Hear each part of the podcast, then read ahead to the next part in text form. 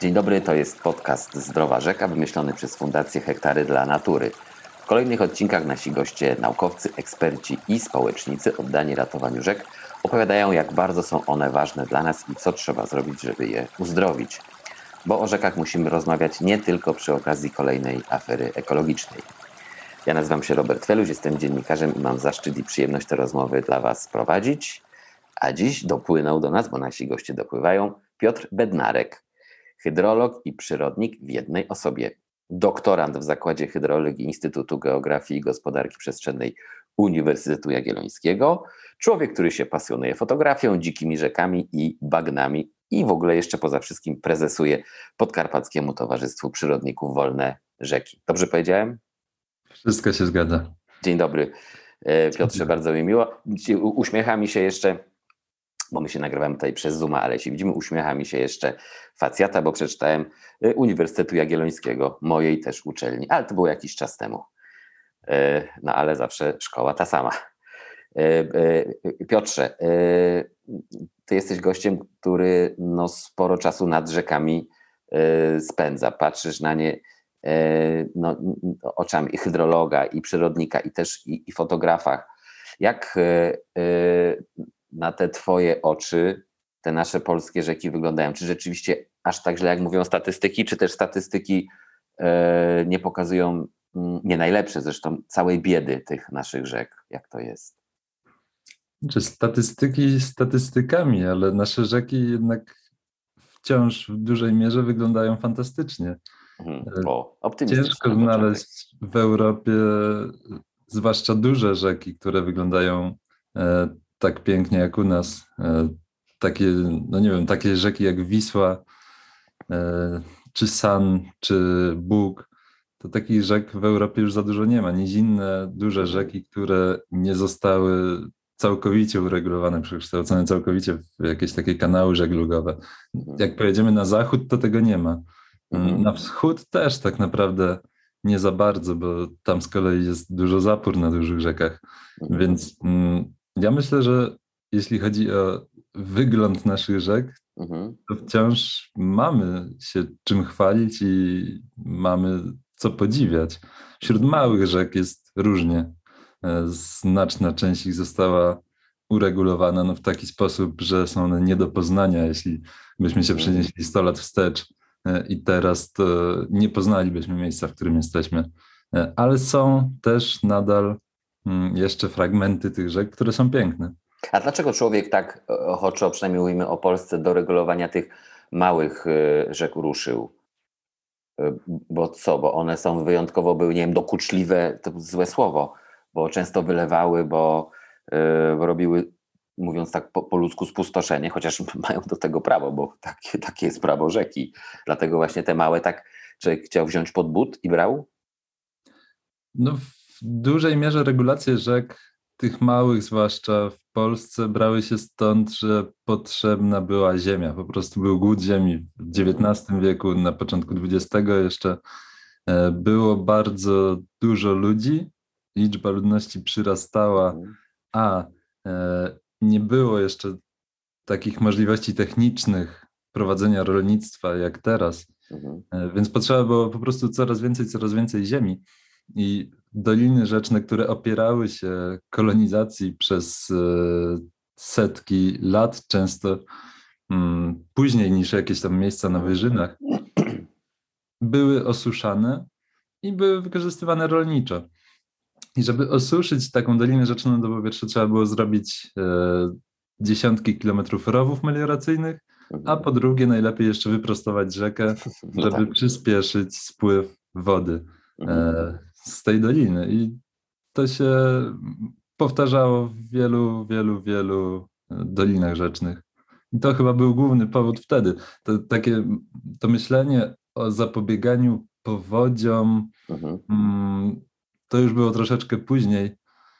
I oczywiście to myślenie też skupiało się na przyspieszeniu odpływu. Mhm, e, ale, ale zaczęło się od tego, że trzeba coś tej rzece wyrwać trochę gruntu, żeby było gdzie rolniczo działać, tak? Żebyśmy E, powiększali ten teren, no bo trzeba było e, wykarmić e, ludzi, tak? Czyli no ludzie chcieli dobrze, no wyszło jak wyszło. Nikt nie regulował rzek po to, żeby zniszczyć czy uregulować. No tak, Sztuki Dla no sztuki tak. nikt raczej nie robił. No tak. Wtedy przynajmniej. Nie, powiedziałeś, to zabrzmiało dość optymistycznie na początku, że nie jest aż tak źle, zwłaszcza jak się, e, jak się porówna sytuację naszych rzek do tego, co się tym rzekom zrobiło i jaki betonowy kanał się je wpuściło na zachodzie. I to, to był dobry początek rozmowy, no ale tak czy siak te rzeki nie mają e, jakoś przesadnie dobrze e, u nas. I czy, czy wy, ludzie, którzy działają w temacie uzdrowienia rzek, mają taką e, wiedzę, co trzeba zrobić, żeby tym rzekom polepszyć e, e, żywot? Czy to jest wszystko, nie wiem, skatalogowane, opisane? Czy wasza wiedza jest wystarczająca w tej, w tej kwestii? To potem pogadamy o tym, czy są na to pieniądze i tak dalej, ale jakbyście dostali nagle jakiś niewyobrażalnie duży wór pieniędzy, to wy byście wiedzieli, rozumiem, na co wydać. Nawet wór pieniędzy nie jest tutaj chyba największą przeszkodą, Przeszkodą. Mhm. e, tylko uwarunkowania prawne, instytucjonalne. Mhm. Mm, ponieważ nasze instytucje, co jest chyba największym w ogóle problemem ochrony rzek w Polsce aktualnie, że one cały czas są w torach myślenia tych sprzed 50, sprzed 100 lat, mhm. że trzeba przyspieszać spływ, regulować e, i Mhm. tak dalej. E, Podczas gdy no, w aktualnych warunkach powinniśmy od tego odchodzić. E, Tak jak powiedziałeś, nasze rzeki no faktycznie, mimo tego, że częściowo zachowały się takie piękne i naturalne, no to w dużej mierze są mocno przekształcone. Mhm. E, Ilość presji, która ich dotyka, jest ogromna od właśnie regulacji koryt, wyprostowania, e, uproszczenia morfologii, czyli no, wszystkich takich kształtów, meandrów, Mhm. naturalnych procesów w tych rzekach poprzez e, fragmentację przez zapory i inne bariery. Mm, Więc tego jest dużo. Czy wiemy jako specjaliści, co trzeba zrobić, żeby poprawić stan tych rzek? Tak, to, to generalnie nie są jakieś bardzo skomplikowane rzeczy. Mhm. Oczywiście można do tego podchodzić w bardzo różny sposób, mm, ale raczej, raczej wiadomo, co zrobić, jak się widzi jakąś konkretną rzekę, co i dlaczego zostało tam zrobione i nie wiem, ile jest przestrzeni dookoła niej. Mhm. E, Ja sobie jestem w stanie wyobrazić, co trzeba by zrobić, żeby taką rzekę zrenaturyzować.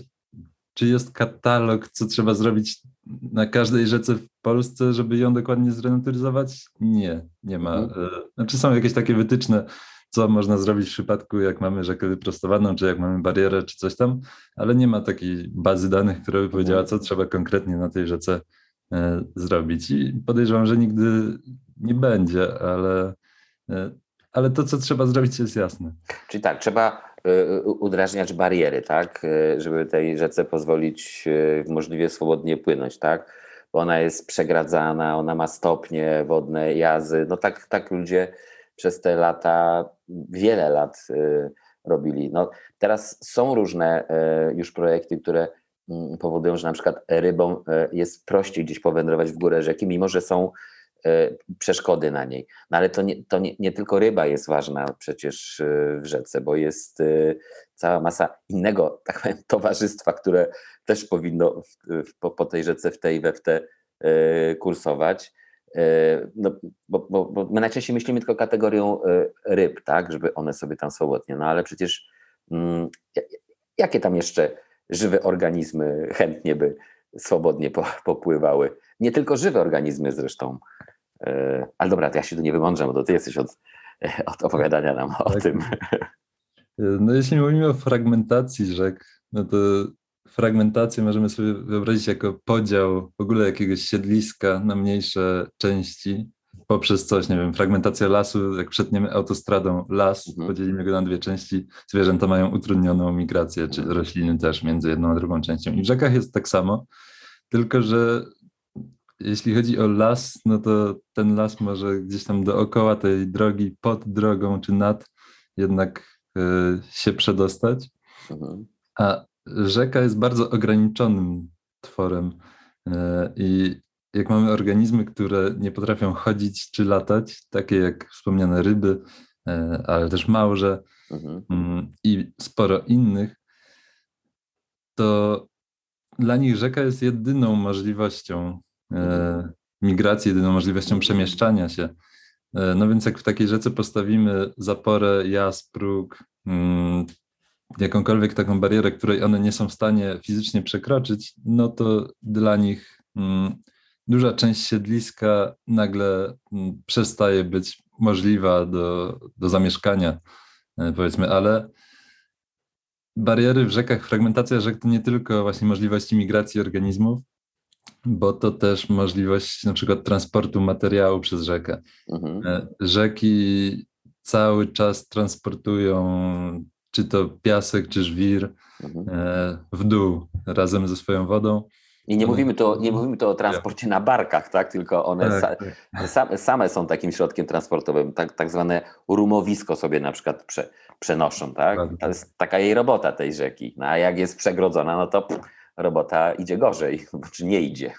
Tak, no jeśli mamy zaporę taką jak na przykład w Solinie, która tworzy głęboki zbiornik, to całe osady z Bieszczadów, całe to rumowisko mm, odkłada się w zbiorniku zaporowym. Mhm. I poniżej zapory, w związku z tym jest go za mało. Mhm. E, no i tam następuje erozja e, denna, więc cały ten proces jest e, zaburzony, proces formowania się rzeki, te procesy rzeczne, które natura, naturalnie ją tworzyły.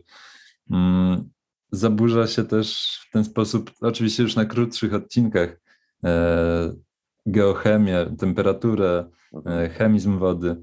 Mm, więc tych skutków fragmentacji rzek jest mnóstwo, ale rzeczywiście najważniejsze to są uniemożliwienie migracji ryb i transportu materiału.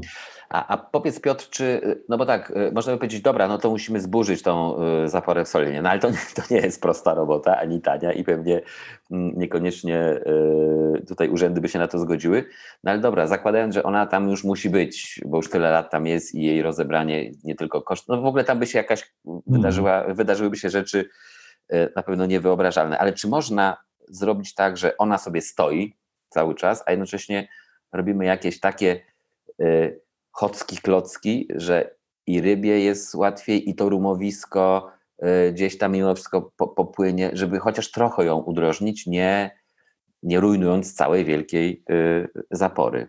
Czy się takie rzeczy robi? Na tak wysokich zaporach raczej nie ma takich nie. projektów, które by działały. Mhm. Znaczy są pomysły na robienie wind dla ryb, tak. jak, takich dziwnych rzeczy, ale to raczej nigdy nie działa. Budowa przepławki na kilkadziesiąt metrów wysokości to musiałby być strasznie długi e, mhm. slalom. Znaczy teoretycznie jest to możliwe, tylko pewnie koszt tego to są grube dziesiątki milionów. Milionów. I też niekoniecznie skuteczność tego byłaby tak, tak, a jeśli chodzi o osady, no to w takim wypadku jedynie wybieranie ich i przenoszenie, I przenoszenie. poniżej. I teoretycznie przynajmniej część zapór powinna w ten sposób funkcjonować, ale mhm. to się nigdy nie dzieje, bo mhm.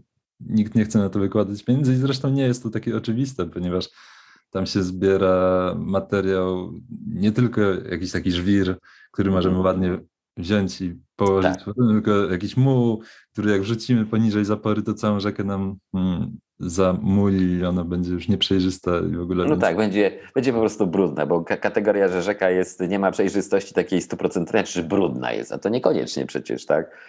To jest takie, takie myślenie czasem, o przejrzysta to, to czysta.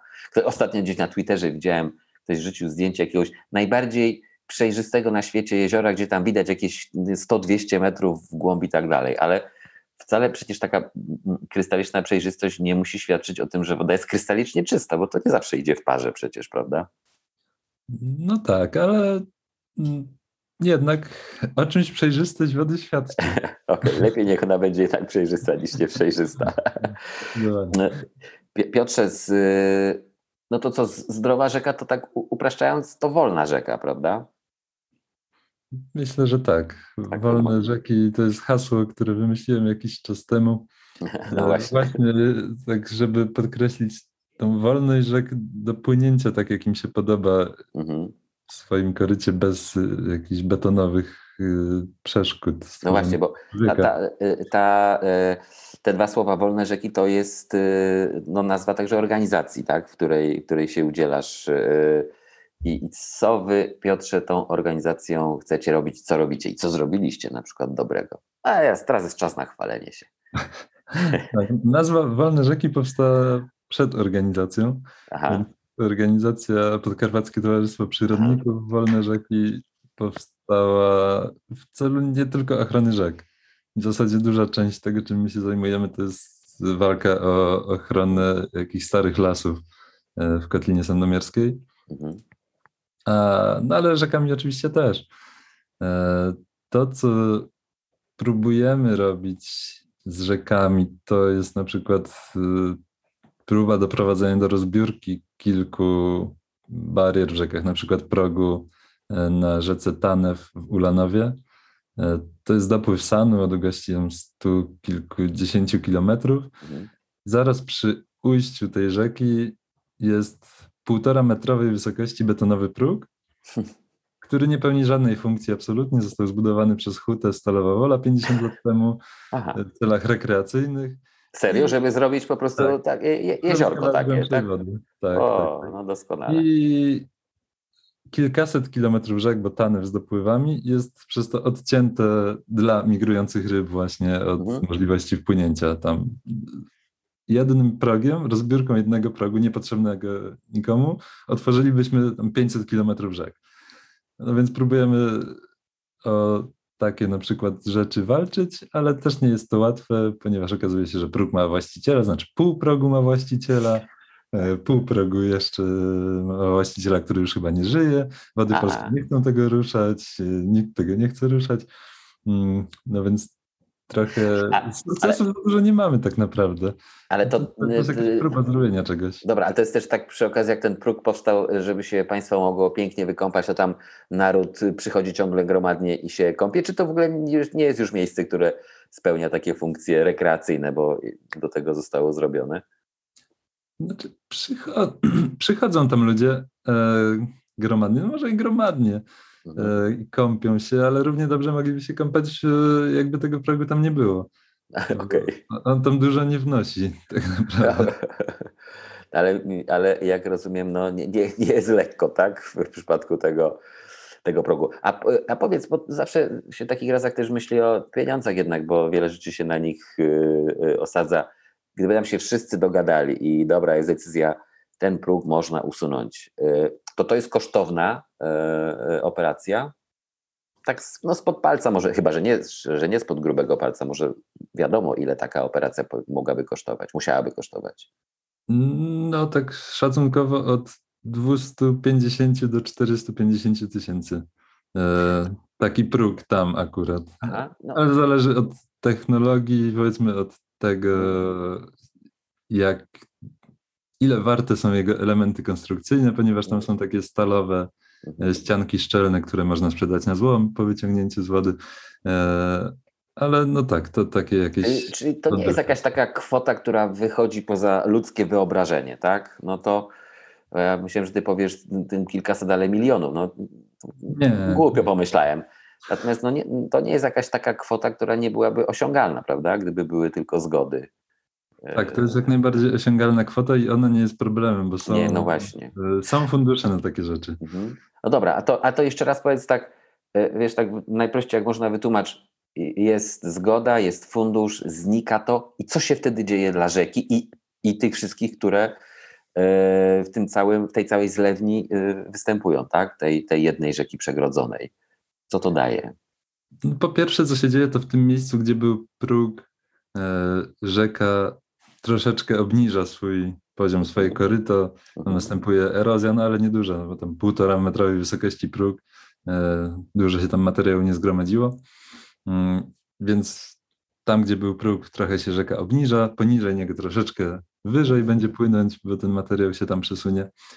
E, I to w tym miejscu w zasadzie na tyle, ale momentalnie już prawdopodobnie e, w tym samym roku, w którym próg zostałby rozebrany, mhm. to tam zaczęłyby wpływać ryby i wpływałyby zarówno mm, takie długodystansowe migrujące trocie, Mhm. e, jak i nieco na bliższe odległości migrujące świnki, Mhm. e, gatunek bardzo szybko wymierający w Polsce, Mhm. Mm, jak i cała masa innych gatunków, łącznie z tymi najmniejszymi różankami, uklejami, Mhm. e, które też, jak się okazuje, dopływają do tego progu i wyżej ich praktycznie nie ma w tej rzece. Mhm. Więc ryb, które mają po parę centymetrów długości, które są podstawą całego łańcucha pokarmowego mm, dla większych ryb, Mhm.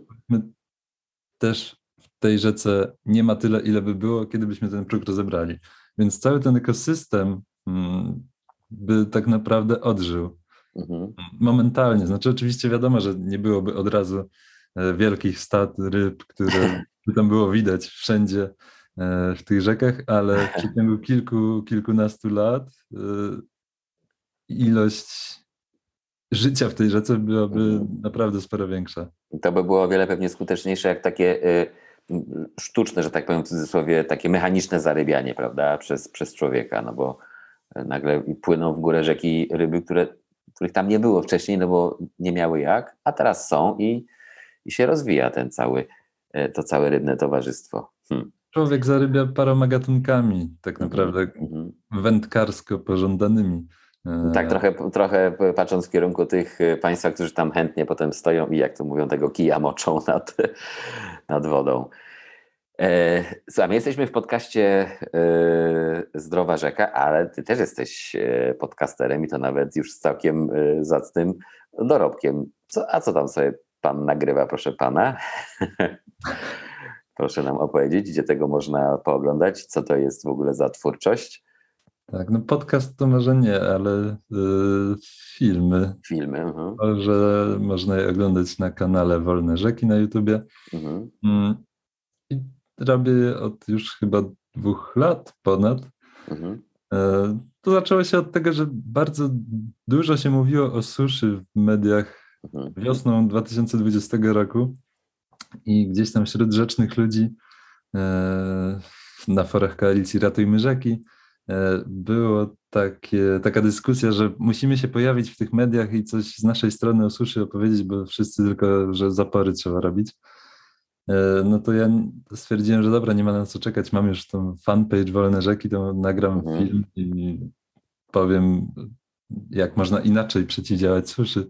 E, I okazało się, że ten film się stał takim wiralem, obejrzało go tam kilkaset tysięcy osób. Mhm. E, No i stwierdziłem, że skoro tak, to może zacznę nagrywać. Mhm. I od tej pory nagrywam teraz w miarę regularnie co tydzień jakieś takie rzeczne filmy, więc Mhm. bardzo niszowe w sumie.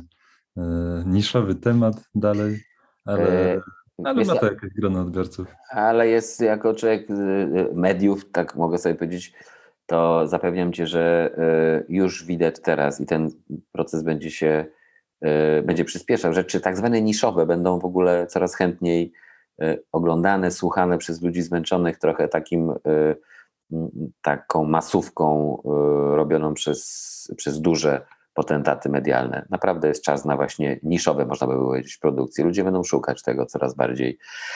A, z, y, a robisz rzecz dobrą, bo po, y, po rzekach niestety widać y, w sposób mm, bardzo mocny, do czego prowadzą zmiany klimatyczne. Nie trzeba tak naprawdę jechać przecież na lodowiec, tak?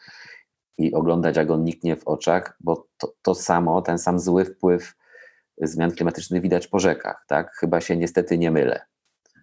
Nie mylisz się. Tylko, że no właśnie, tak jak pojedziemy sobie na lodowiec, tak jak ja bym teraz pojechał, nie wiem, na Islandię zobaczyć jakiś lodowiec, to nie zauważę tam zmian klimatycznych. No tak, czy musiałbyś tam Ale regularnie. Był tam 10 lat wcześniej i pojechał No tak. teraz, to bym zauważył. I z rzekami jest oczywiście tak samo. Jak pójdziemy nad rzekę jakąś, nie wiem, dajmy na to Wisłę, mm, to nie zauważymy, że coś się zmieniło, bo nie mamy punktu odniesienia. Dopiero jak y, zaczniemy prowadzić jakieś pomiary, e, to tak naprawdę widać, mm, co się dzieje i widać, że na przykład wzrastają e, temperatury wody. W tym roku w Mhm. Wiśle maksymalna temperatura, jaką e, ja odnotowałem, a mam rejestratory, które mierzą mi na bieżąco temperaturę w kilku rzekach, to było 32 stopni Celsjusza. To jest niewyobrażalnie dużo w ogóle. Strasznie gorąco i to jest już temperatura, przy której niektóre ryby umierają. Temperatura letalna dla niektórych gatunków, Mhm. a dla wielu gatunków taka, przy której one już ograniczają aktywność i na przykład nie żerują. Mhm. Więc jeśli wyobrazimy sobie, że taka temperatura się będzie utrzymywała przez dłuższy okres, e, no to nagle się okaże, że w lecie, kiedy w wodzie mamy mnóstwo mm, pożywienia dla ryb, Mhm. te ryby nie są w stanie jeść i, Mhm. i, i umierają. Więc to nas jeszcze czeka tak naprawdę, bo dopiero te temperatury zaczynają być takimi, które są nie do Mhm. przeżycia dla, dla części gatunków przynajmniej, ale mm, no myślę, że będziemy to obserwować w najbliższych latach. Ale oczywiście widać też i gołym okiem zmianę Mhm. klimatu, zwłaszcza w najmniejszych rzekach, które to już tak możemy pamiętać sami z siebie, że Mhm. Mhm. kiedyś płynęły w lecie, a teraz w ogóle tam nie ma wody. Jakby znikają praktycznie, Mhm. prawda? Tak. Powiedziałeś o, o, o temperaturze wysokiej, która jest y, niezwykle y, groźna dla, dla ryb na przykład. Ja w ogóle jestem zdziwiony. 30, to jest 30 parę stopni to jest taka, taki dobrze nagrzany basen w ogóle, do którego, to tak, tak zwana zupa, prawda? Mówi się, Tak. wchodzimy, o Jezu, to jest nie, niewyobrażalne. Zresztą po, po tym, co potrafi zrobić temperatura, jak, jest, y, jak się podnosi, jak jest niedużo wody, no to wszyscy to widzieliśmy na przykładzie Odry, prawda, w, w tym roku, czym się to, czym się to skończyło. E, Co prawda Wisła tobie jest naj, na, najbliższa z oczywistych powodów, e, ale to jest taki scenariusz, który no wcale chyba tylko niestety może się podać nie tylko na Odrze, może nie w takim, bo ona jest dość mocno uregulowana, to też, jej, to też ją dobija. Wisła ma w tym względzie lepiej o wiele. No ale mo- musimy się chyba powoli przygotowywać na takie scenariusze, jeśli nie będziemy e, mo- mądrze działać. No, niestety tak, zwłaszcza, że my do tych rzek cały czas wrzucamy Mhm. mnóstwo substancji, których nie powinniśmy tam rzucać, tak mówiąc bardzo ogólnie. Tak, no, sytuacja, jeśli chodzi o ilość wody w okresie letnim, zwłaszcza w rzekach, e, i jeśli chodzi o temperaturę, no, nie będzie się poprawiać. To na pewno. No to co możemy zrobić tak na szybko, jeśli jest w ogóle coś do zrobienia na szybko w tej kwestii? No bo, no bo do, do, do czego to doprowadzi, jeśli nie będziemy e, nic robić, być może nawet na szybko? No co, co zamiast rzek zostaną wyschnięte koryta, ryby dawno e, powymierają i co? I, a za chwilę, a po nich my? To co, co, co, co musimy robić? Rzek, rzeki myślę, że jeszcze w jakimś stopniu przynajmniej możemy ratować, e, próbując zadbać chociażby o retencję wody w ich zlewniach. Mhm. Mm, Mamy w Polsce kilkukrotnie więcej, jeśli chodzi o długość, sztucznych rowów melioracyjnych niż naturalnych rzek. Mhm. E, Mniej więcej trzy razy więcej. Mhm. Więc jeśli sobie wyobrazimy, jak bardzo my przyspieszyliśmy odpływ wody w skali całego kraju, Mhm. E, no to możemy też sobie wyobrazić, jak dużo możemy zrobić, nie niszcząc rzek, e, po to, żeby ten, tą wodę zatrzymać. Tak, no więc wodę musimy, według mnie nie ma innej drogi niż poprzez retencjonowanie jej w tych właśnie rowach, zasypanie części budowy zastawek na dużą skalę. Jeszcze za bardzo nikt tego nie rozumie, jak ja rozmawiam, czy z pracownikami lasów państwowych, Mhm. którzy zarządzają jedną trzecią Polski, e, Tak. czy z różnymi innymi urzędnikami, to oni dalej, żeby mieć więcej wody, to muszą e, pogłębiać rowy melioracyjne, tak twierdzą. Co jest, A. e, jakby nie wiem, ja chyba muszę zacząć tłumaczyć ludziom, że woda płynie w dół e, w swoich filmach. e, No, więc to czasem jest tak, że się wy- wydaje, że rzeczy tak absolutnie oczywiste nie wymagają tłumaczenia, no to wymagają.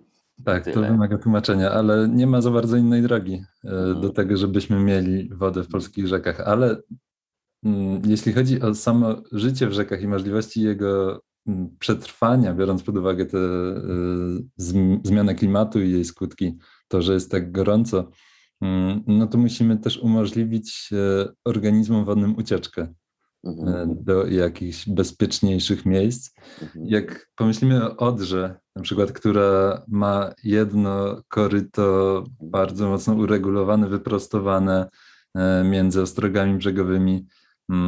Tam nie ma jakichś bocznych e, odnóg, nurtów, zbyt wielu zatoczek, gdzie przynajmniej część organizmów może przeczekać okres jakiś taki najtrudniejszy, kiedy wodą płyną toksyny. W Wiśle już jest trochę inaczej. Mm, na niektórych odcinkach mamy wiele nurtów, wiele koryt, są wysepki i Mhm. jest szansa, że przynajmniej mm, nie wszędzie dopłynie cała woda. Mm, W Sanie na przykład podobnie. Ja obserwuję w Stalowej Woli, gdzie mieszkam, jest elektrociepłownia, która mm, używa wody z Sanu do chłodzenia turbin. Mhm. I ona wypuszcza ogrzaną wodę do Sanu. Jest, tak się dzieje w wielu przypadkach, no ale tutaj mam to pod domem. I ta woda z y, elektrociepłowni, ta nagrzana, mająca czasem po 30 stopni, płynie sobie wzdłuż lewego brzegu Sanu przez kilka kilometrów i dopiero potem bardzo powoli się miesza mm, z wodami rzeki, gdzie już no jest i trochę się zdąży ochłodzić, e, przynajmniej poza latem i Mhm. no, rozcieńczy się razem z tą rzeką. Mm, Więc przynajmniej przez te kilka kilometrów e, to, że ta gorąca woda tam wypływa, nie ma żadnego wpływu na, na życie w tej rzece, a i dalej do niektórych bocznych e, odnóg może ona w ogóle nie dotrzeć. I już samo to, że rzeka ma tak nie jedno prościutkie koryto, tylko że dzieli się na jakieś Mhm. boczne odnogi, są jakieś łachy, które rozdzielają ten nurt, stwarza warunki dla e, możliwości przetrwania różnych organizmów przy jakichś takich sytuacjach ekstremalnych. Dlatego, Ale- że, dlatego, że nie została przez człowieka ujarzmiona, prawda? Że sobie e, Całkowicie. płynie po swojemu, tak? I, A, chociaż i San i Wisła są regulowane. E, No, no, ale nie na tyle jeszcze nie tak dramatycznie, żeby sobie Tak. nie mogła poradzić. W jednym z ostatnich podcastów rozmawialiśmy o, o tym, że dzięki, to też było o Wiśle, dzięki temu, że ona jest taka w miarę jeszcze na, dług, na wielu, y, na długich odcinkach naturalna, to na przykład to, co paskudnego zrzuciła czajka do Wisły, jakoś po drodze się zgubiło, mówiąc kolokwialnie, tak? Znaczy, no rzeka sobie y, poradziła z tym, wbrew temu, co oglądaliśmy w wiadomościach telewizji polskiej, to nie była aż taka katastrofa, nie bagatelizujemy tego, ale to nie była taka katastrofa, która spowodowała, że rzeka umarła z powodu tego, że czajka się zepsuła i wylała ileś tam mm, świństwa. Rzeka ma, jak, się, jak jej nie przeszkadzamy, duże możliwości do takiego samooczyszczania się, prawda? Tak, znaczy to się nie zgubiło, tylko to zostało przez rzekę przetrawione. No po, po prostu, ale y, byśmy jej w tym nie przeszkadzali, tak? Ona ma swoje, swoje metody na przetrawianie, tak? I, Tak, ale to jest właśnie też bardzo ciekawa rzecz z rzekami, bo, mm, bo znowu, jeszcze chciałem w ogóle powiedzieć w tym podcaście, jak już mówimy o tych temperaturach, Mhm. Opowiadaj. teraz o czajce, to o tym, że duże rzeki mm, to jest trochę kontrintuicyjne. Duże rzeki są dużo bardziej wrażliwe na zmiany temperatury niż rzeki małe. Mhm, I w ogóle są dużo mniej stabilne, jeśli chodzi o Mhm. warunki środowiskowe, niż małe rzeki mhm, są mniej wrażliwe na suszę, no bo w dużej rzece siłą rzeczy płynie więcej wody, ale poza tym na przykład temperatura wody mm, w małych rzekach w lecie jest mniejsza niż w dużych rzekach. mhm, E, I to im mniejsza rzeka, im bliżej źródła, tym ta temperatura jest niższa. Więc Niższa. Mm, możemy sobie wyobrazić, że w lecie ryby z dużych rzek będą chciały wpływać do małych rzek, żeby uciec przed tą wysoką temperaturą. mhm. Mm, tylko też no, muszą mieć taką możliwość. Jak w tej małej rzece mamy bariery, no to e, niestety uniemożliwiamy im tą ucieczkę, czy to przesuwanie e, zasięgu. Ale też w zimie na przykład małe rzeki są cieplejsze od dużych rzek. Mhm. Wisła i San zamarzają szybciej niż jakieś ich dopływy. Za to bardzo ciekawie się ma rzecz, jeśli już mówimy właśnie o tym użyźnieniu, czy to przez taką czajkę, czy przez Mhm. to, co cały czas y, do, do naszych rzek dopływa, e, a zanieczyszczenia zarówno punktowe z oczyszczalni ścieków, jak i z dużych powierzchni z pól uprawnych nawozy spływają cały czas i będą spływać e, do naszych rzek, co sprawia, że one mają mm, no więcej tych składników, które odżywiają najprostsze organizmy, glony Mhm.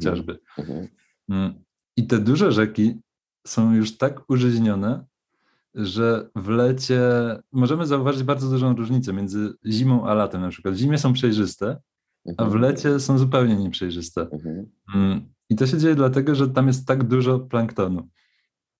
I to, co jest ciekawe, to że ten plankton oczywiście produkuje tlen. I w dużych rzekach mamy w lecie więcej tlenu niż w zimie. I więcej tlenu niż w małych rzekach. Mhm. E, Co może być w ogóle zaskakujące, ale w Sanie i w Wiśle przez całe lato mieliśmy tlenu w zasadzie tyle, że rzeka oddawała go do powietrza. Mieliśmy stężenia przekraczające 100%. Mm, W małych rzekach tego tlenu było no, znacznie mniej. Mm, Co jest o tyle ciekawe, że woda ma największą rozpuszczalność e, gazów, e, tam im jest zimniejsza. Mhm. E, Więc teoretycznie nie powinno być tam tak dużo. Więc zaburzenie tych warunków y, w- rzekach jest ogromne, z czego sobie, możemy nie zdawać sprawy. I każda taka e, czajka czy inny dopływ ścieków Mhm. takich zawierających po prostu dużo biogenów, e, tylko jeszcze ten proces napędza e, produkcję znaczy planktonu i, i, i związane z tym, czy produkcję tlenu, czy, czy inne jeszcze procesy. A też nie należy, jak rozumiem, y, tutaj y, stanąć i zaklaskać. Oj, cudownie, rzeka produkuje tyle tlenu, że aż się wydostaje na zewnątrz, bo to chyba nie o to jednak chodzi, żeby ona była takim trochę mm, przez człowieka napędzanym producentem tlenu, tak? Bo to Nie, nie, nie, bo jest- potem coś no z tymi właśnie. glonami się też dzieje. No E, właśnie. One zaczynają umierać. e, Akurat Wisła rzeczywiście jest w stanie to przetrawić, Mhm. Ale to, to nie jest pozytywny proces. Mhm. No właśnie. Słuchaj, ty jest- w ogóle interesujesz się y, też historią y, rzek. Y, y, badasz, jak one się zmieniały w czasie, wiesz, jak się zmieniały w czasie. Y, tutaj Wisła i San nam się y, pojawiają najczęściej. To jak te rzeki wyglądały kiedyś? Y, na ile człowiek y, zaczął przy nich dłubać? Y, Jak wyglądają y, teraz? Y, I czy a jakby wyglądały, gdybyśmy przy nich nie dłubali na przykład? Jakby wyglądało, a nie wiem, no dobra, niech będzie dla mnie obrazek y, bliski y, bulwary pod Wawelem. Jakby nie było tych bulwarów wybetonowanych austriackich, to co by ta rzeka, y, jakby ta Wisła wyglądała? W ogóle co, co, co, co się z nimi stało na przestrzeni no, lat, wielu wieków? Tak, Wisła pod Wawelem to jest akurat przykład taki hardkorowy, bo tam nie że mamy te bulwary wybetonowane, to jeszcze ona tam jest spiętrzona Tak, e, przez stopień dąbie i, i no, nie przypomina w ogóle rzeki za bardzo, tylko taki wolno płynący zbiornik. E, więc ona nie wiem, 70 lat temu, kiedy wybudowano ten stopień, no coś około mhm. 70 lat temu, wyglądała zupełnie inaczej, bo to była po prostu rzeka, nie jakaś ogromna, e, płytka, e, płynąca tamtym korytem były wielkie odsypiska, łachy, gdzie ludzie się kąpali e, pod Wawelem, więc to wyglądało inaczej.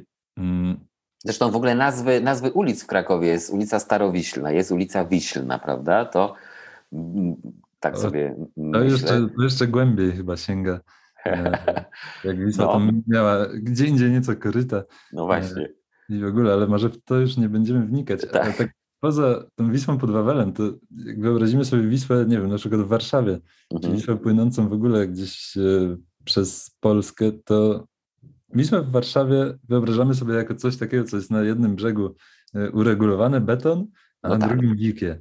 Tak. Tyle, że ten drugi brzeg jest dwa razy bliżej albo trzy, niż jakby rzeczywiście Wisła była dzika. Znaczy, to koryto zostało tam bardzo silnie zawężone i to jest taki generalny obraz tego, co zrobiliśmy z dużymi rzekami. Mhm. Mm, Wisła miejscami ma koryto zawężone dwu, trzykrotnie Mhm. w stosunku do tego, co było 100 lat temu, powiedzmy. I to zostało zrobione przez budowę mm, ostróg regulacyjnych, za którymi osadził się materiał, te tak zwane główki, które e, lubią wędkarze, bo przy nich trzymają się ryby. Mhm. One spowodowały, że mamy dwa razy węższą Wisłę. Czyli Mamy to, czyli to jest taka sytuacja jak, jak ja, Krakus, y, od wielu lat mieszkający w Warszawie. Mam w pamięci, to pamiętam moje pierwsze takie e, miesiące, lata w Warszawie. Pamiętam tę Wisłę, no właśnie choćby pod Wawelem, taką ujarzmioną i nagle jedziemy mostem warszawskim. Jest, jaka tu jest szeroka rzeka. A tak naprawdę ona byłaby jeszcze szersza, gdyby człowiek przy niej nie dłubał, prawda? E, tak, tak, zdecydowanie. No, rzeki też zostały skrócone i Wisła i San, przez co znaczy zostały ścięte ich e, meandry mhm. mm, dla przyspieszenia spływu wód znowu, albo czasami dla umożliwienia żeglugi wielkimi barkami. Mm, I w przypadku tych dużych rzek to były mm, no, skrócenie biegu o kilkadziesiąt kilometrów. No to dużo, to jest bardzo Więc dużo. Te rzeki naprawdę mocno zmieniliśmy, choć one no, wciąż nie wyglądają mm, na jakieś bardzo mocno uregulowane. To, co się z nimi stało, to oczywiście też zawężenie samej doliny już wałami. Mhm. Teraz nie ma możliwości, żeby Wisła się rozlała na 20 km szerokości mhm. doliny, która mhm. to dolina ma tyle, spokojnie, miejscami. No bo mamy wały kilometr od koryta albo 50 metrów czasami. No tak. Więc te zmiany są duże i na pierwszy rzut oka może być ich nie widać, bo na przykład to zawężenie koryta, już nie mhm. widzimy tych ostróg regulacyjnych, które tam są. One zostały zasypane materiałem, zarośnięte lasem. No to trochę pogadaliśmy o historii, pogadajmy o, o przyszłości. Trochę teraz tak będzie trochę y, urzędowo, ale e, jako kraj uczestniczymy w, w, różnych programach czy strategiach. Strategia, nie wiem, różnorodności biologicznej do 2030 roku. E, jest rozporządzenie Rady Unii Europejskiej w sprawie odtwarzania przyrody, czyli taki e, restoration law.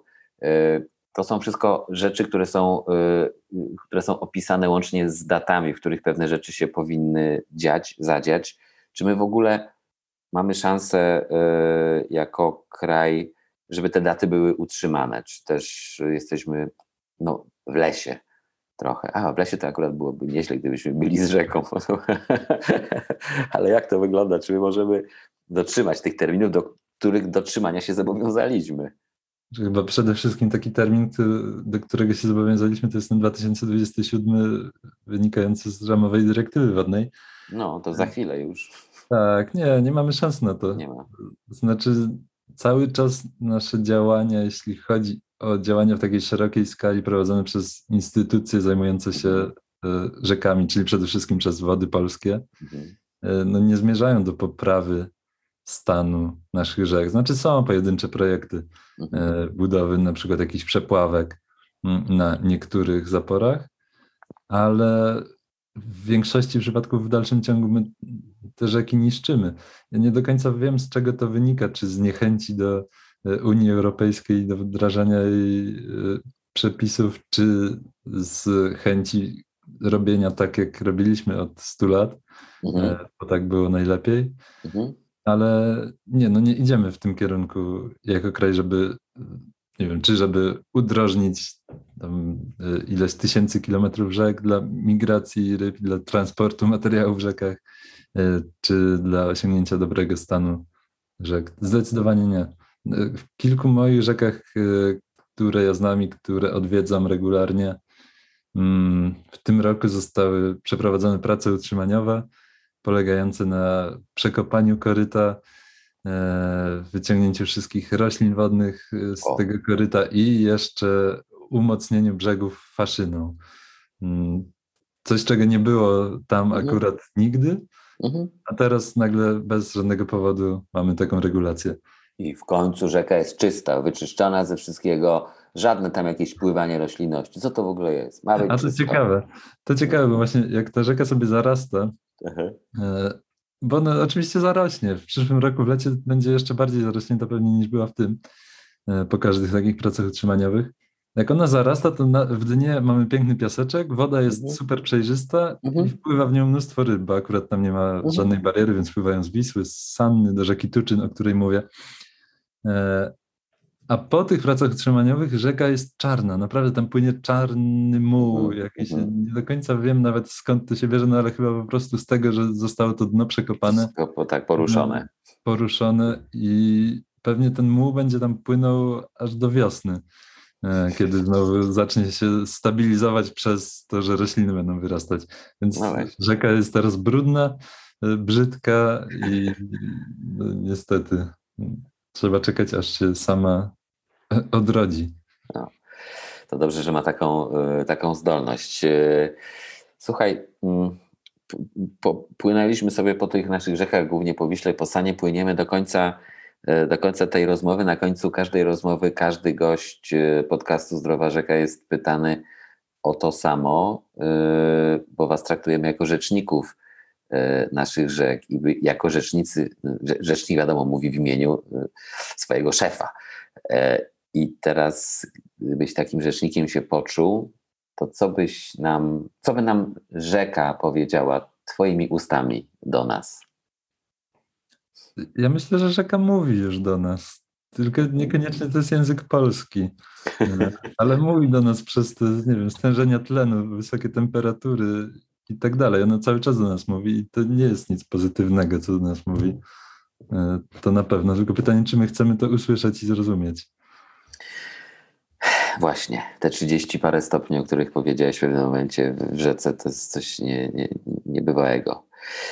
E, słuchajmy rzek. E, zrozummy, że jak ona nam pokazuje, ja mam 32 stopnie, to żebyśmy wiedzieli, co ona nam chce powiedzieć i żebyśmy to uszanowali i pozwolili obniżyć temperaturę. Bardzo Ci dziękuję. Piotr Bednarek był gościem e, tego odcinka podcastu Zdrowa Rzeka. Wszystkiego dobrego. Dziękuję Ci bardzo. Dziękuję bardzo.